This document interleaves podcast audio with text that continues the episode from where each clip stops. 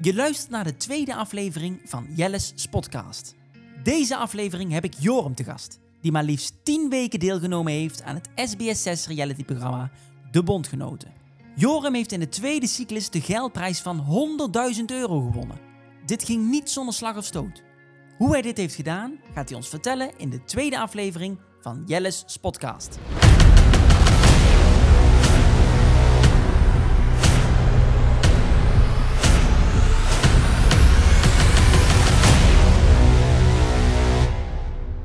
Ja, daar zit hij dan hoor.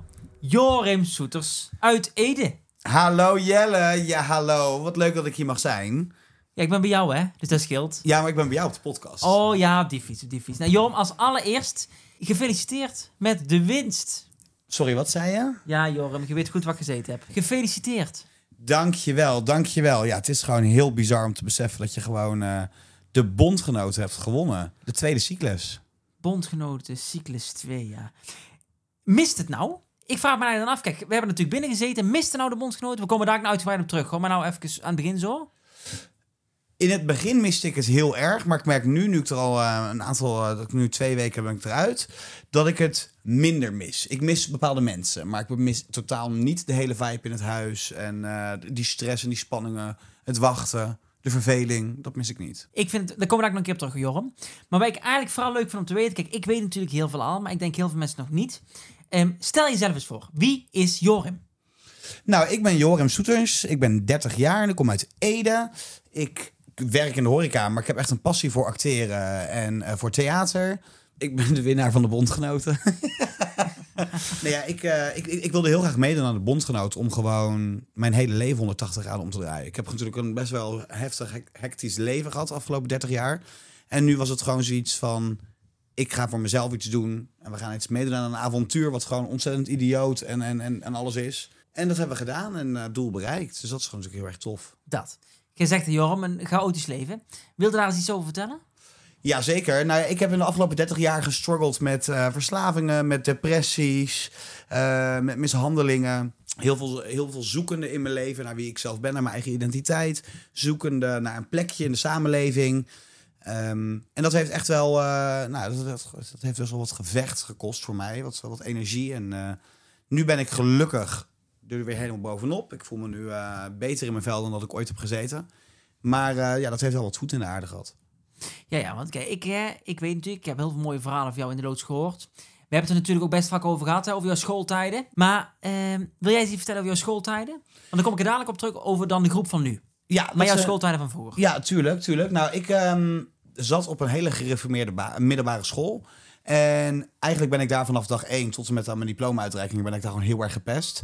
Zo erg gepest dat je het bijna kan noemen als een, eh, een, een mentale mishandeling. Zo kon ik het zelf eigenlijk wel noemen.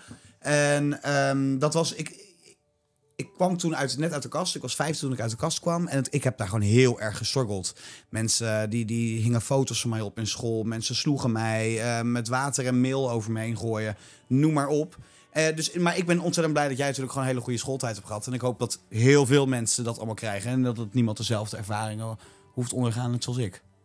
Maar jij zegt er dan, hè, water en meel overheen. Ja, want ik zat, in, eh, ik zat in een andere stad op school. En dan kwam ik aan op school en dan riep iemand mij. En dan draaide ik me om en dan kreeg ik een glas water over me heen of een flesje water. En dan draaide ik me de andere kant om en dan gooiden ze een hand meel over me heen. Of ander poeder of noem maar op. Zodat je de hele dag in zo'n hele andere stad bent op je vijftiende. Met allemaal vieze kleren. Waardoor iedereen dus zag, oh ja, tuurlijk, Joram is net gepakt. En thuis dan? Dan kom je thuis. Ja, ik zorgde er dan altijd voor dat ik ehm, me op school gewoon waste. Gewoon op school, gewoon in de wc's. En ik nam extra kleding mee. Zodat als er wat zou gebeuren, ik gewoon mijn kleding in mijn tas kon doen. Of, want het is ook wel eens gebeurd dat ik met verf over me heen kreeg. En dan zei ik gewoon thuis van, oh, ongelukje, ja, per ongeluk gebeurd. Ja, gewoon gek aan het doen met mensen uit de klas. Want ik wilde niet thuis vertellen wat er allemaal aan de hand was op school. Ik was toen gewoon nog zo erg zoekende naar, naar wie ik zelf was. Dat ik het gewoon niet mee naar huis wilde nemen, al die stress en spanningen. En wanneer komt dan dat punt thuis dat je het dan toch vertelt? Dat je dan thuis echt officieel vertelt, ja, ik word gepest op school. Heb ik nooit verteld. Ik heb het ze nooit verteld. Toen mijn diploma-uitreiking was en mijn ouders daar waren, zagen zij dat eh, door de spanningen in de groep die daar gewoon was, dat het niet helemaal lekker en positief lag. En toen we onderweg naar huis waren, Toen ik wist, ik hoef hier dus nooit meer terug te komen. Toen heb ik het ze verteld. Ja, mijn moeder begon toen keihard te huilen. En die zei ook van, als wij het geweten hadden, hadden we je direct van school afgehaald. Maar ik was gewoon heel erg bang om het mee naar huis toe te nemen. Ik, ik, je voelt je op een gegeven moment ook schuldig dat je denkt van, nou, het zal wel aan mij liggen. Weet je, jullie pesten mij omdat ik Jorin ben. Ja, dat is... Was je toen uit de kast op school? Ik ben op mijn vijftiende uit de kast gekomen en toen zat ik in de tweede klas, geloof ik. Tweede of derde klas. Dus ik was toen inderdaad al uit de kast gekomen, ja. ja. Maar je, het, het was een mega grote middelbare school. En in 2009 had je natuurlijk ook nog geen references van, uh, van homoseksualiteit, niks. Dus ik was de eerste, de enige, zeg maar, die uit de kast gekomen was in die tijd. Dus niemand, ik, ik kende niemand zoals ik. Maar niemand kende ook iemand zoals mij. Nee, want ik weet nog dat jij op een gegeven moment een verhaal vertelde dat jij... Uh, ik weet niet of dat dan nog op school was of dat dat buiten school was, dat je een vriendje kreeg en op een gegeven moment heel de school vol hing met foto's. Ja, ik had op een gegeven moment een, een, een, een vriendje. En die heette Bart. En toen hadden ze. Uh, ik had een foto gemaakt dat ik met hem stond. En die had ik doorgestuurd naar een meisje uit mijn klas. En zij had hem aan haar broer gegeven. En die broer had hem uitgeprint. En die had hem door de hele school opgehangen. Waardoor iedereen dus mij uitschot voor. Oh, dat is de vriendin van Bart. Hahaha. Want ja, dat vonden zij dus heel erg grappig. Dus, maar ook echt zo erg dat als je de ging gimmen en moest je omkleden in de kleedhokjes. Dan mocht ik van de jongens ook niet mee de kleedkamer in. Want dan zeiden ze ook van, ja, nee, ik weet niet wat jij allemaal gaat doen. En de meiden vonden dat natuurlijk allemaal ook raar en vreemd. Dus dan moest ik wachten totdat iedereen klaar was. En dan kon ik daarna me omkleden. Ja, maar waar zegt een leraar dan van? Ja, die wisten ook geen houding in te geven. Die hebben heel erg hand voor de ogen gehouden. Zo van, oh, als we het er niet over hebben, dan is het er ook gewoon maar niet. Ja, ja dat kunnen wij het niet voorstellen nou. Hè? Nee. Waarom? Ik, ik vind het een heel mooi verhaal, hè? Maar dan kom je in een groep met 16 mensen die je niet kent.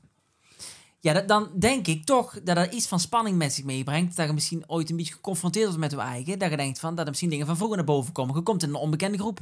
Ja, zeker. Zeker. Nou, het verbaasde mij hoeveel moeite ik daar eigenlijk mee had. Als ik het nu ook terugkijk naar de afleveringen, dan denk ik ook van... Oeh, de eerste paar afleveringen ben je daar toch een onzeker, druk, hysterisch persoon. Nou weet ik natuurlijk ook wel dat van de 24 uur op een dag wordt er...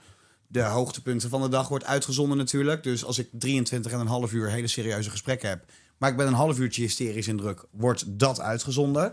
Ehm, maar ik, ik, ik merkte wel aan mezelf dat ik het toch nog wel lastig vond. Want ja, als je 24 uur met andere mensen zit, dan valt op een gegeven moment je masker wel af. Ja. En dan moet je wel, dan word je wel geconfronteerd met jezelf. En dan moet je jezelf ook in een groep goed opstellen. Dus daar had ik wel wat moeite mee. En zeker als ik het nu ook terugkijk, dat ik dan denk van oeh wat was je chaotisch in het begin, zeg. Ik snap, wel dat, ik snap wel dat het op een gegeven moment een beetje uitgekotst werd in Nederland. Ja, want daarover dan, hè. Want je, kijk, ik, ik heb een stukje gelezen op internet, achteraf, hè. Want ik, daar kon natuurlijk niks lezen. Um, en dan kwam je net zelf ook al op terug. Van kijkers hebben nu al genoeg van deze deelnemer. Ja, dat is natuurlijk. Ik, toen ik eruit kwam, je, je gaat op een gegeven moment toch een beetje googlen en kijken wat er allemaal gezegd wordt. En toen kwam ik een shownieuwsbericht tegen, inderdaad, van uh, nou ja, de eerste week, waarin dus inderdaad stond dat iedereen alweer genoeg aan mij had. En dan vind je het natuurlijk aan de ene kant vind je het een beetje jammer dat je bij jezelf denkt van oké, jammer dat ik op die manier word neergezet. Maar aan de andere kant denk ik ook bij mezelf, ja, fuck it. Ik heb gewonnen. I don't care. Ik, hoef me, ik, zei al vanaf het begin, ik kom daar niet om vriendjes te maken. Om, om, dat is allemaal heel erg leuk als dat onderweg gebeurt. Maar ik zit daar voor het geld en uh, voor één doel. En dat is het hoofddoel. En die heb ik behaald. Dus ja, ik heb nu ondertussen leuke berichten van jouw nieuws gekregen dat ik gewonnen heb. Dus I don't care. Dat, ja, echt. Ja, maar dat is, vind ik wel een heel knappe prestatie toch hoor. Want uiteindelijk, hè, die ton, daar kwam je voor. Maar is dat nou het enige wat je uiteindelijk gemotiveerd hebt om mee te gaan doen in de bondgenoten? Ja, en nou, het feit dat je elke maand kon winnen. Kijk, ik wilde eigenlijk al heel graag ook bijvoorbeeld in een jaar van je leven of Utopia. Maar dat, hetgene wat mij gewoon tegenhield was dat je daar zo'n kleine kans maakte om te winnen. En bij ons was het elke maand iemand naar huis met een, met, met, met een geldbedrag, met de winst. Dus ik had gewoon zoiets van: ik wil gewoon dat geld halen, zodat ik de theateropleiding kan gaan doen, zodat ik mijn rijbewijs kan gaan halen, zodat ik gewoon op vakantie kan gaan, mijn huis kan opnieuw inrichten, noem maar op. Ehm, en daar heb, ja, daar heb je gewoon een zakcentje voor nodig. En nu kan ik al die dromen gaan waarmaken. Zo leuk. ik vind het ook wel heel leuk dat je ook zoveel dromen hebt in dat opzicht. Heb jij geen dromen meer? Jawel, jawel. Maar bijvoorbeeld dan heb ik jou, hè, dan hoor ik over een theateropleiding. Ik heb natuurlijk de filmacteursopleiding gedaan. En rijbewijs wil jij gaan halen. Ja, die heb ik. Die, die, maar daar is... Dus ik vind dat vele mooiere doelen dan dat ik bijvoorbeeld zeg van ik wil een keer een nieuwe camera kopen. Dat ik denk van, nee, ik, ik vind die doelen die je hebt in dat opzicht veel mooier. Ja, dat vind ik heel lief. Ik ben jou ook ontzettend dankbaar dat jij het huis uit bent gegaan, hoor. Want, ja? ja, ja, ik ben jou er heel dankbaar voor. Want ik, toen jij het huis uitging, ik heb me er echt twee dagen verschrikkelijk kloot onder gevoeld. Ik dacht echt dat je dood was gegaan. Zo erg. eh, ik heb echt. Op een gegeven moment zat ik ook in allemaal zwarte kleren had ik aan. En toen ben ik op de stoelen gaan zitten bij de trap. En mensen zagen mij gewoon niet, want ik viel helemaal weg in die stoelen. Dat als mensen langs liepen, dat ze echt zaten van, wat gaat het wel met je? Ik zeg, nee, ik ben in de rouw. Ik zeg, mijn beste vriend is weg. Dat ook echt, ik weet nog wel dat, want jij ging ochtends weg en toen smiddags hadden wij een uitdagingsduel die ik moest spelen van Wes en Donna. En ik wilde die helemaal niet spelen. Dus toen verloren wij allemaal punten. En toen zei ik die hele week daarna, als iemand zei, ja, maar nu, dat- dat, dat lukt allemaal niet hoor. En ik weet niet of ik er zin in heb. Dan zei ik, mijn beste vriend is weg. Ik heb een hele zware proef verloren. Zie je mij eh, nu eh, met bij de pakken erbij neerzitten? Nee, gewoon, het leven gaat gewoon door. Hup, get up and go on. Nou ja, en je bent zelfs gaan sporten tijdens het trouwen. Ja, nee, maar dat was voor Daan. Dat was echt. Nee, nee, nee. Kijk, het ding was, Daan zat er zo erg mee dat jij ook wegging. En Daan is natuurlijk gewoon mijn- kleine broertje. Dat ik zoiets had van hoe kan ik hem bezighouden met iets. Ja. Dus ik zei toen inderdaad tegen hem van ik zeg wat, wat nou als jij mij gewoon gaat trainen. Dan heb je drie dagen in de week heb je wat te doen. En ik bracht het natuurlijk zo naar hem dat hij dacht dat ik het zelf wilde. Ehm, dat heeft hij twee keer volgehouden. En de derde keer, toen zei ik tegen hem, zullen we nog gaan sporten? En toen zei hij echt tegen mij, "Eh, ik heb geen zin. Nou, als Daan geen... Ja, Ik wou net zeggen, Daan geen zin ja, om te sporten niet? ja. Nou ja, hij had geen zin om te sporten met mij, denk ik. Ah, ja. Maar, en terwijl het was altijd zo'n goede bedoeling vanuit jou. Ja, maar ja, ik denk dat Daan ook slimmer was. Nou ja, dat. Joram, jouw algehele ervaring hè, van het programma. Hoe zou je die nou omschrijven? Fenomenaal. Out of this world. Het was, ik, ik vond het zo'n mega fantastisch avontuur. Ik heb zo ontzettend genoten. Het was zo ontzettend bizar. Ehm, en, en krankzinnig en, en gestoord. En, en, maar tegelijkertijd zo leuk. We hebben zo ontzettend veel gelachen. We hebben veel gelachen, hè? Oh, ongelooflijk. Oké, Joram, hè? Nou heb ik het er nog over. Van, ehm, ik heb van heel veel mensen de vraag gekregen van... hoe kwam het nou dat jij in, het, in de eerste maand niet bij Joram in het team zat? Hoe kwam dat? Want wij kenden elkaar eigenlijk van een casting. Ja, klopt. Nou, ik vind dat een hele goede vraag, Jelle. Hoe kwam dat? Waarom wilde jij niet bij mij in een bondje? Waarom rende jij gelijk op dag 1 bij mij weg? Ja, dat, ja, ik kan dat niet zeggen. Kijk, ik weet nog, en het, ik, ik kwam binnen met, ik ken hier niemand. Want ik wist niet eens dat jij kwam. Jij kwam natuurlijk binnen en dan wij meteen zeiden, oh, eindelijk, iemand die ik nog ergens van ken. Want ik, ik, wat ik, zei, ik ken jou natuurlijk van die casting. Ja, toen, toen was onze klik en onze band inderdaad al. En ik denk, ja, dag 1 kun je gewoon niet... De eerste cyclus is gewoon... Niet zozeer voor nieuwe mensen, maar voor ons was eerste cyclus gewoon ja, heel erg nieuw. En, en we wisten niet wat ons te wachten stond. Dus het was een soort van proefmaand. Ik denk, hè, dat lees ik heel veel terug. De eerste 16, Mhm. dus de, onze eerste groep, die, eh, daar blijft mensen denk ik toch het meeste bij. Ik denk dat ook de meest hechte groep is die er ooit gaat komen. alle emoties, gevoelens, negativiteit van onszelf. Ehm die eerste zes weken zijn we ook allemaal onszelf tegengekomen. We zijn allemaal wel, wel bijna door een, eh, een, een Rollercoaster van emoties allemaal. Ja, elkaar, ja. ja, maar ook een soort van. ehm, ja, ja, ik, weet, ja, ik weet niet, maar het is echt. Je zit in een soort snelkookpan met al elkaars emoties en gevoelens. En je komt tegen dingen aan. Je, tussen, je loopt tegen dingen aan van vroeger. Ik bedoel, jij hebt ook een potje zitten janken om een glas limonade wat je toen kreeg van mij. En dat, je komt dan ineens tegen. Je loopt tegen dingen aan wat je dacht dat je het al verwerkt had uit je. Leven. Ja, ja, ja. Ja, ik, bij mij was het natuurlijk met die ranja. Ik, ik, ik, ik thuis, ik- als ik dorst heb, ik val drinken. Hè? Ik bedoel, daar- Ja. En toen had ik natuurlijk gesport. En ik, ik, ik merkte gewoon aan mezelf, ik word niet goed. Dus ik, ik moet van suiker hebben. Maar we hadden het gewoon niet als Vossen zenden. Nou, hoe erg ik het vond, ik bij jullie... Terwijl ik wist, Joram, dat ik het kreeg, hè. Het was, ik, ik denk, als ik van jullie nee krijg, dan weet ik niet meer, dan weet ik niet meer wie ik hier wel en niet wie wel mijn maatjes zijn. Maar ik denk van, ja, dan komt het toch even binnen waar je denkt, heb ik het eigenlijk thuis goed? Maar daar hebben wij ook vaak tegen elkaar gezegd buiten. Dat we denken, hoe goed hebben wij thuis? Hebben wij thuis een leuk leven? Ja, maar dat is het ook echt hoor. Als je er, eh, daar zit, je realiseert je gewoon hoe goed je het thuis hebt. En dat is geen, daar, daar zit geen prijskaartje aan vast. Dat maakt geen 100.000 euro, eh, maakt, dat, maakt dat beter. Het helpt wel om het een stukje leuker te maken. Maar het maakt mijn leven niet zozeer beter. Want ik ben ontzettend gelukkig met al mijn vrienden en mijn familie. Nou moet ik ook wel heel eerlijk zeggen, ik heb niet heel veel familie of vrienden de afgelopen weken gezien. Ik merk gewoon dat ik heel erg eh, nog op mezelf gericht ben. En ik, ik wil jou heel de dag spreken. En Jen. En ehm ik veel spreek ik natuurlijk regelmatig.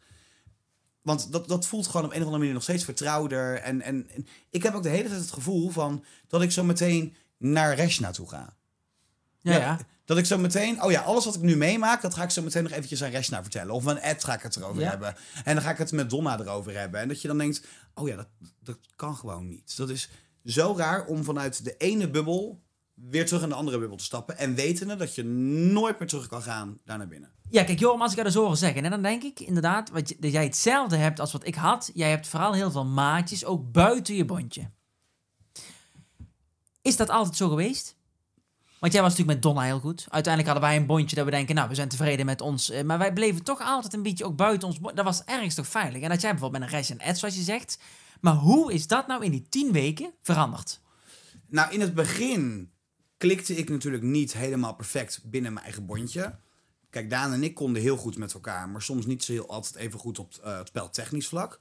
Casper en ik konden totaal niet met elkaar. Ook, eh, weet je, buiten een bondje dan wel, maar gewoon dat werkte gewoon totaal niet. En Donna en ik waren natuurlijk gewoon heel erg prettig, want ik dacht, een duo, met z'n sta je gewoon sterker dan alleen.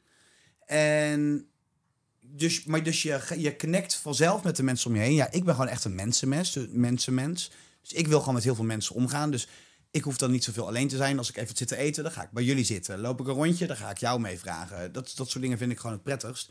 En in de tweede cyclus, toen jij naar huis toe ging... toen had ik ineens zo'n besefmomentje... ik ga er nooit op gezet worden door mijn eigen bondje. Want Wesley zal nooit op mij stemmen.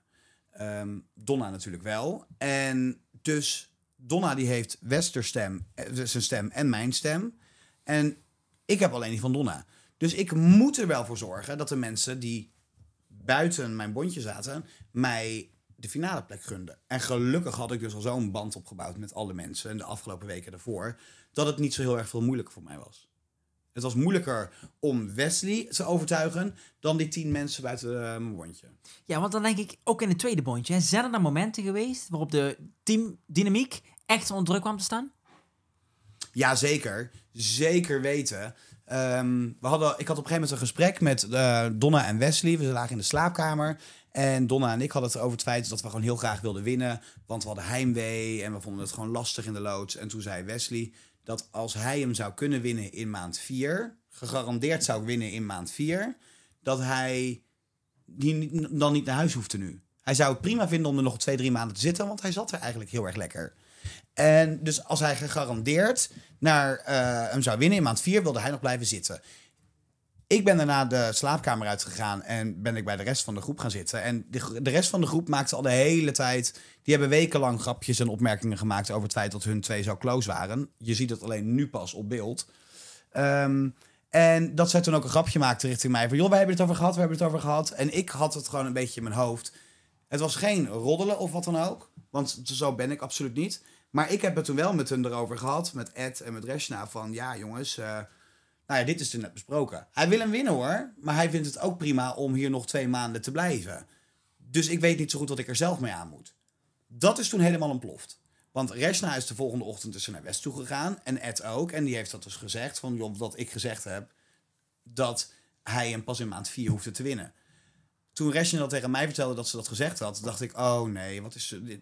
Want verhalen gaan heel snel een eigen leven leiden Ja. daar in de loods. En helemaal binnen zijn loodje. Alsjeblieft. Dus ik ben gelijk naar Wesley toegelopen en heb gezegd... Yo, ik heb dit gezegd, maar weet, ik heb je niet zwart gemaakt achter je rug om. En weet, ik bedoelde het ook niet zo dat jij niet wilde winnen. En toen is Wesley helemaal ontploft. Ja, ik vertrouw jou niet meer. En, en je hebt echt al mijn respect verloren. En noem maar op. Maar ja, dan, dan denk ik toch, dan valt het to- toch ook tegen vanuit een Resh en een Ed, dat die er dan mee naar West gaan, of niet? Als ik mensen iets in vertrouwen vertelde, ging ik er niet vanuit dat ze daarmee naar die persoon gingen. Nou, het ding is, bij, kijk, ik heb ook niet verteld tegen hun dat ze het niet mochten vertellen. Tegen West. Want ik, ik, ik vertelde het niet op zo'n manier van ik moet eventjes roddelen achter zijn rug om. Ik wilde gewoon vertellen van joh, dit is er net besproken. En zij hadden zoiets van, wij willen graag op Joram stemmen of op Wesley. Maar we moeten weten, als Wesley pas over twee maanden uit wilt, dan gaan we gewoon eh, op Joram stemmen. En ik had zoiets van, ik, ik vond het natuurlijk eventjes jammer dat ze dat gezegd hadden. Maar tegelijkertijd dacht ik ook van, ja, maar ze bedoelen er niks fout mee. Ze wilden gewoon eventjes checken of Wesley dat gezegd heeft. En hij heeft het gezegd. Ja. Dus Maar hè, dan, heb je van, dan heb je van die momenten dat, dat een beetje de team dat het onder druk komt te staan. Je hebt natuurlijk zelf ook emotionele ups en downs gehad. Ehm, hoe ben je er nou mee omgegaan tijdens heel de show? Nou, ik, heb, eh, ik, ben, ik ben natuurlijk christelijk en ik geloof in onze Heer Jezus Christus. En in de loods, je zit zo'n... Je zit zo opgesloten met elkaars emoties en gevoelens. En ik bots natuurlijk af en toe met Casper. En ik heb een hele grote mond. Ik kan heel veel dingen heel mooi verwoorden en heel goed verkopen. Maar over mijn eigen emoties en gevoelens, als het negatief is, praat ik niet zo snel erover. Dus ik was heel veel met mijn eigen geloof gewoon bezig. En ja, op een gegeven moment ontploft het tijdens de dansproef, ontplofte het tussen Casper en mij, waardoor we er een heel groepsgesprek over hadden. Waardoor ook heel veel mensen zeiden van, ja, nou ja, weet je, wat, uh, hij, wordt boos dat niemand hem uit laat praten. En, en, en terwijl hij zelf nooit iemand had uitpraten. En het hele grappige daarvan is, ik was niet boos omdat niemand mij liet uitpraten. Ik, ehm, Casper zei iets. En waardoor ik door hem heen ging. Waardoor vijf mensen tegen mij zeiden... joh, je mag niet door hem heen praten. Hou je mond dicht. Dus ik hield mijn mond dicht. Daarna vertelde ik iets en Casper ging gelijk door me heen. Waar niemand zei van de groep iets. En het boeide mij niet dat Casper door me heen praatte. Het ging mij er gewoon om dat ik me niet gesteund voelde door de groep in dat moment. Dat ik dacht van oké, als ik door hem heen praat, houdt iedereen ineens steunt, steunt iedereen ineens Casper. Maar als hij door mij heen praat, dan boeit niemand het iets. En in dat moment had ik, voelde ik gewoon geen steun van de groep. En dat, toen hebben we heel veel gepraat. Want ik weet dat ik ben met jou en Donna toen nog naar buiten toe geweest. En toen voelde ik me heel erg verdrietig worden en echt heel kloot. En toen zei ik, ik ga nu naar binnen. En dat was natuurlijk ook een beetje speltechnisch slim. Want ik dacht, ik voel me nu heel erg kloten. Ik moet nu denk ik een potje janken. Nu ga ik aan die groep en dan ga ik ook laten zien dat ik ook gewoon emotioneel wrak ben. Dus dat gooide ik er toen uit. En toen pas kreeg ik wat steun van de groep. Ja, het is, je gaat er gewoon, je gaat door zo'n rollercoaster van emoties heen. En je moet gewoon alles dealen. En toch heb je dat dan wel goed gedaan, hoor. Maar dan is er dan, komt daar het stukje geloof ook nog wat bij kijken? Ja, zeker, zeker. Want op een gegeven moment kreeg ik van jullie kreeg ik mijn Bijbels dagboek. En daar staan gewoon handvaten in. Niet zozeer om met andere mensen om te gaan, maar wel gewoon om met je eigen gevoel te dealen. Ik heb bijvoorbeeld ook heel vaak voor proeven, als ik dan ging bidden voor proeven, niet gevraagd of mag ik winnen, maar gevraagd: mag ik me goed voelen en tevreden en akkoord met het resultaat wat, ik van de proef krijg. Zodat je er niet, als je dus eh, je proef verliest, het God gaat kwalijk nemen. Je moet, ja, het is allemaal heel, uh, het is allemaal mentaal natuurlijk. Maar um, nee, ik heb heel veel steun en heel veel rust gekregen uit mijn geloof. Heel erg veel, ja. Dus dat heeft je ook echt wel gemotiveerd in eigenlijk alle moeilijke tijden die je binnen de loods had? Ja, heel erg. Ja, zeker weten. Door het geloof werd ik gewoon een stuk rustiger. Kon ik wat meer nadenken over iets. En soms heb je gewoon vijf keer hetzelfde gesprek in de loods en gaat het gesprek hartstikke goed. En de zesde keer, als je hetzelfde gesprek hebt, komt het een beetje sessie en pittig en gemeen over. Maar dan zie je niet die eerste vijf keer dat ik dat gesprek voer met mensen. Nee, nee, nee, nee. Dus mensen denken heel snel bij mij van, oeh, die gaat van heel snel van 0 naar 100. Klopt ook wel, want dat kan ik ook heel snel. Maar ik merk gewoon dat je gewoon niet die eerste aanloop er naartoe allemaal zag. Dat ik gewoon rustig in mijn geloof bezig was, aan het bidden was. En dan daarna nog een gesprekje met iemand aanging. Drie dagen later er een ruzie over kreeg en ze laat alleen de ruzie zien. Ja, maar dat is tv. Ja, I know. Ik vind, ik vind het ook niet erg hoor. Maar dat is gewoon ja. Een beetje hoe het, hoe, hoe, ja, ja. hoe het is. Kijk, wat ik dan zo mooi vind, Joram, is dan heb je je geloof. En je hebt je maatjes binnen de loods. Uiteindelijk is het, uh, ik ben weg. Dus de finale wordt gespeeld tegen Donna. Ja, mijn beste vriendin in de loods. Hoe voelt het dan dat je aan het eind van de maand... dat je dan een spel gaat spelen voor een ton... Mhm. tegenover beste vriendin ook binnen? Uh, het voelde natuurlijk heel veel. Het voelde ook een beetje bitter, uh, een bittersweet. Want ik had gehoopt dat ik hem tegen jou zou spelen.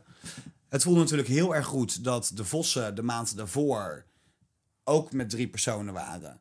En toen nou, is er nog iemand naar huis toe gegaan. Ja, jullie, jullie begonnen met vier. ja. En dan uiteindelijk zijn er naar drie toe gegaan vanwege sale. En toen uiteindelijk is Kelly naar huis toe gegaan. Dus weet je, en dat, het voelde heel goed om dan nu in de volgende cyclus... waarin ook iemand van de oorspronkelijke Vossen... dus na een week al zei, we gaan naar huis... dat wij het om hadden gedraaid... en ervoor zorgden dat we in die finale stonden met z'n drieën. Dat was natuurlijk een heel groot, uh, heel fijn ding... Maar ja, om dan tegen Donna te staan. Ja, weet je, ik, ze is echt een schat. En als ik nu ook dan de eerste paar afleveringen een beetje terugkrijg... dan ben ik echt heel dankbaar voor alles wat we hebben meegemaakt met z'n tweeën. Maar ze is gewoon een gevaarlijke speler. En ehm, een geweldig persoon hoor, want ik hou zielsveel van dat mens.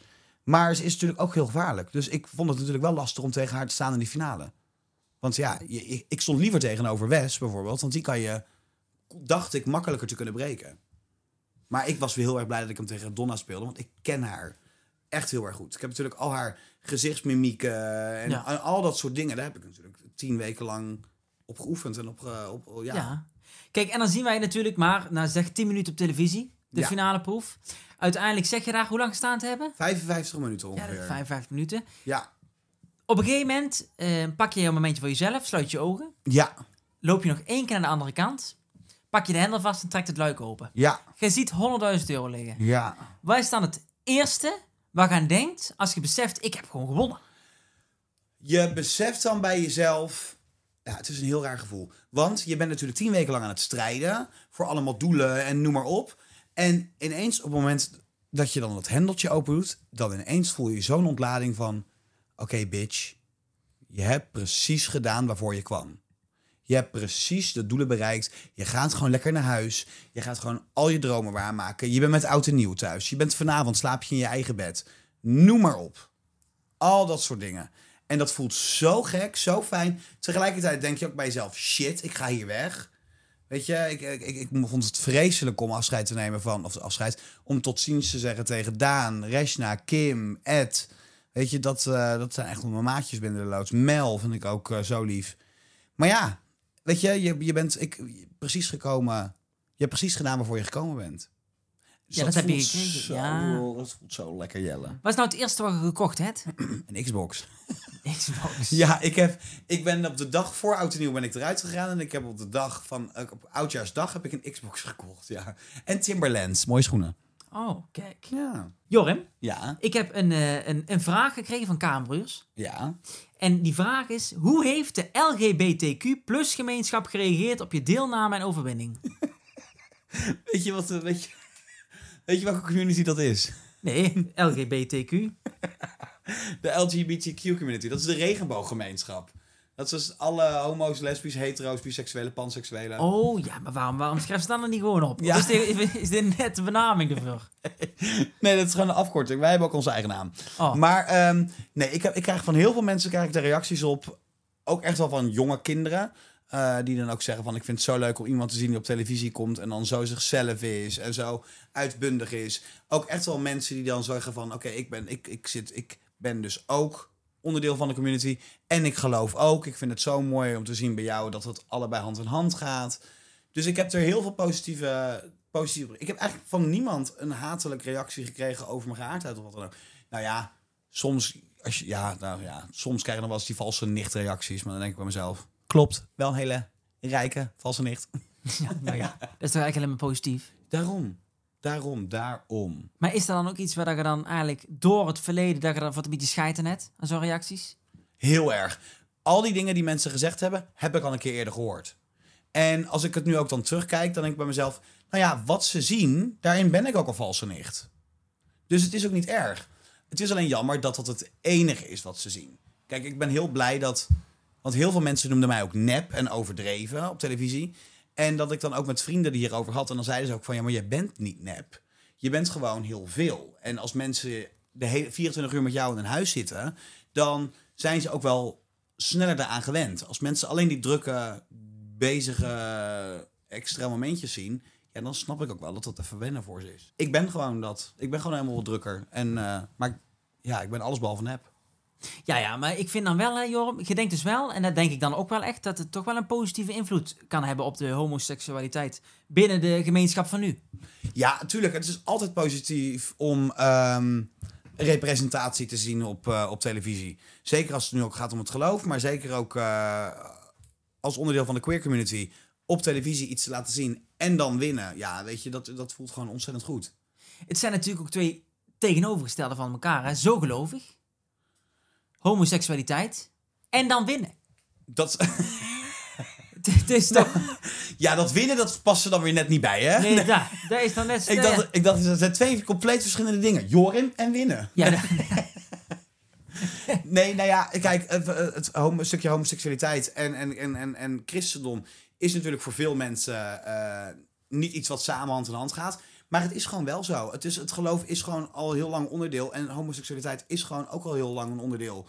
Dus het feit dat het hand in hand nu gaat op televisie, is gewoon heel erg mooi dat het laten zien wordt. Maar het is al wel iets van wat gewoon altijd al is geweest. Ja, maar misschien dat mij als dorpsjongen gewoon eens opgevallen is. Ik weet nog wel dat ik op een gegeven moment in de loods naar jou toe kwam. En dat ik zei, eigenlijk ben jij mijn eerste homo-vriend. Ik, ik, ik, ik, ik heb die helemaal geen... Nee, en het grappige is dat jij dat zei en dat jij voor jou doen gewoon iets zei van, oh nou ja, weet je, je bent gewoon mijn eerste homovriend. En ik had daar echt zoiets bij van, oh my god, je ziet me als je vriend. Weet je, dat is gewoon zoiets positiefs en iets, soms als je zulke kleine dingen zegt, raakt dat mensen veel, veel groter. En ik had gewild dat ze dat op televisie hadden laten zien. Want dat is gewoon iets heel erg moois en iets heel erg tofs om te zien. En ehm, ja, nee, klopt. Heel veel mensen die weten het niet allemaal. Maar ja, dat, dat hoort er ook allemaal bij. En dan ben ik blij dat ik een stukje kan laten zien wie ik ben. Maar het was niet mijn doel om als een rolmodel of een voorbeeld daar te gaan staan. Het is natuurlijk jammer dat het wel vaak zo gebeurt. Omdat als je dan de enige uh, extravagante homo bent in een programma, heb je al snel een voorbeeldfunctie. Um, maar ik ging daar niet in met ik, ik kom hier om een rol te spelen of ik ben gewoon mezelf en ik zie wel wat er gebeurt. Ja, nou, ik vind het wel een heel mooi iets hoor. Jorim, ik heb nog een aantal vragen van uh, kijkers van het programma. Die hebben mij via Instagram vragen gestuurd voor jou. Mhm. Die ga ik jou ook even stellen. Een vraag van A. Zwartenbroeks.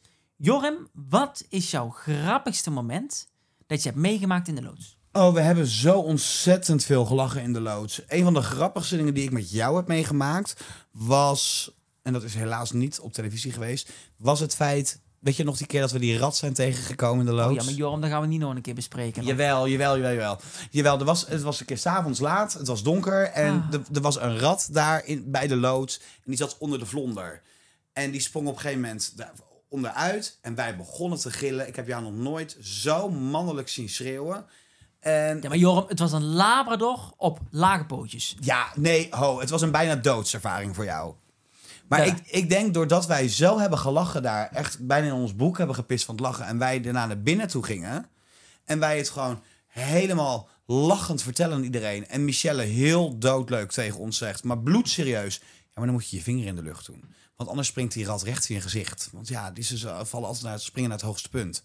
En dat wij echt zoiets hadden van, oh, het is dus een persoonlijke aanval. Nou, we hebben zo erg gelachen. Ik denk dat dat zulke leuke televisie was geweest. Ik zou er echt... eh, ik wil dan zeggen, ik zou er mijn, mijn, mijn prijzengeld voor teruggeven om eh, dat uit te laten zenden. Oh, nou, dat is, dan is het toch veel waard.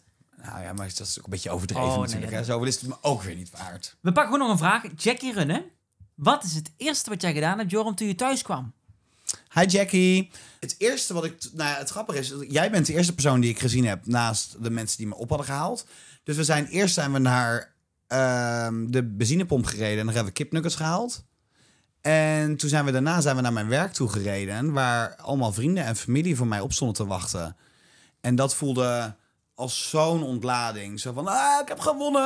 We hebben natuurlijk, ja, dat was, dat was voor mij zo ontzettend eh, bijzonder. En toen, eh, de volgende dag heb ik gaan uitslapen.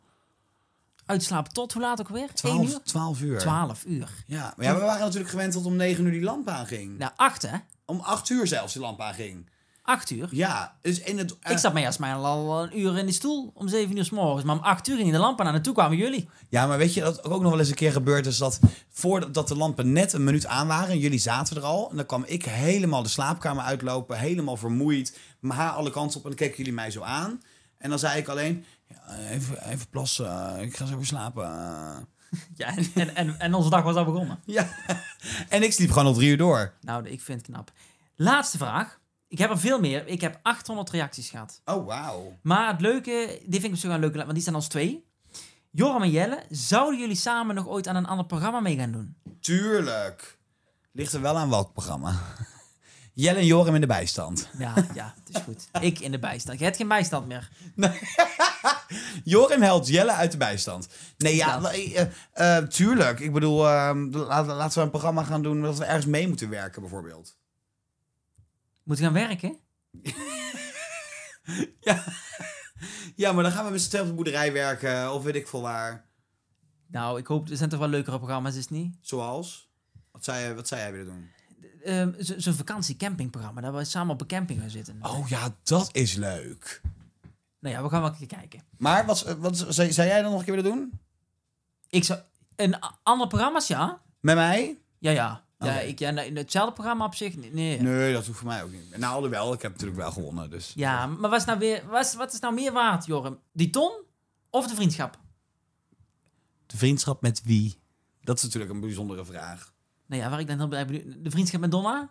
De vriendschap met Donna van Tom? Nee, dan die ton. Ja, nee, maar dat, ja, maar dat had ik wel met haar afgesproken. Zo van, die ton is dan toch wel voor mij net iets belangrijker dan eh, de vriendschap met haar. Ja. En de vriendschap met mij van Tom? Hoe heet jij ook alweer? Nee, nee nou, ik vind, nou, dat vind ik een lastige vraag. Ik, ik, ik merk gewoon dat, dat wij hebben geen ton nodig om een vriendschap te hebben. Maar ik denk, ik denk dat vriendschap voor mij toch wel meer waard is dan... eh, Je hebt nou gewoon vriendschap en een Tom. snap je? Zo kun je het bedenken. Ik heb nu de vriendschap gekocht. Voilà, dat bedoel ik.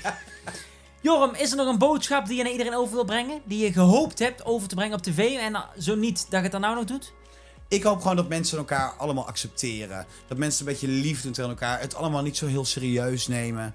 Mensen moeten ook beseffen op de televisie dat we natuurlijk maar een heel klein stukje krijgen te zien van wat er daadwerkelijk over de hele dag gebeurd is. Dus mensen moeten geen vooroordelen hebben over de nieuwe bewoners. Of je ze nou leuk vindt of niet, dat maakt niet zoveel uit. Het is voor hun ook een ontzettende stressvolle situatie natuurlijk. Dat. Nou, Joram, heel erg bedankt. Ik weet dat ik er een vriend voor het leven bij heb. Ik hoop dat dat 100%. wederzijds is. 100% jongen. En uh, ik wil je heel erg bedanken voor deze podcast. En wie weet, tot nog eens hè. Zeker weten jongen, geen enkel probleem. De groeten hè. Hey, houdoe.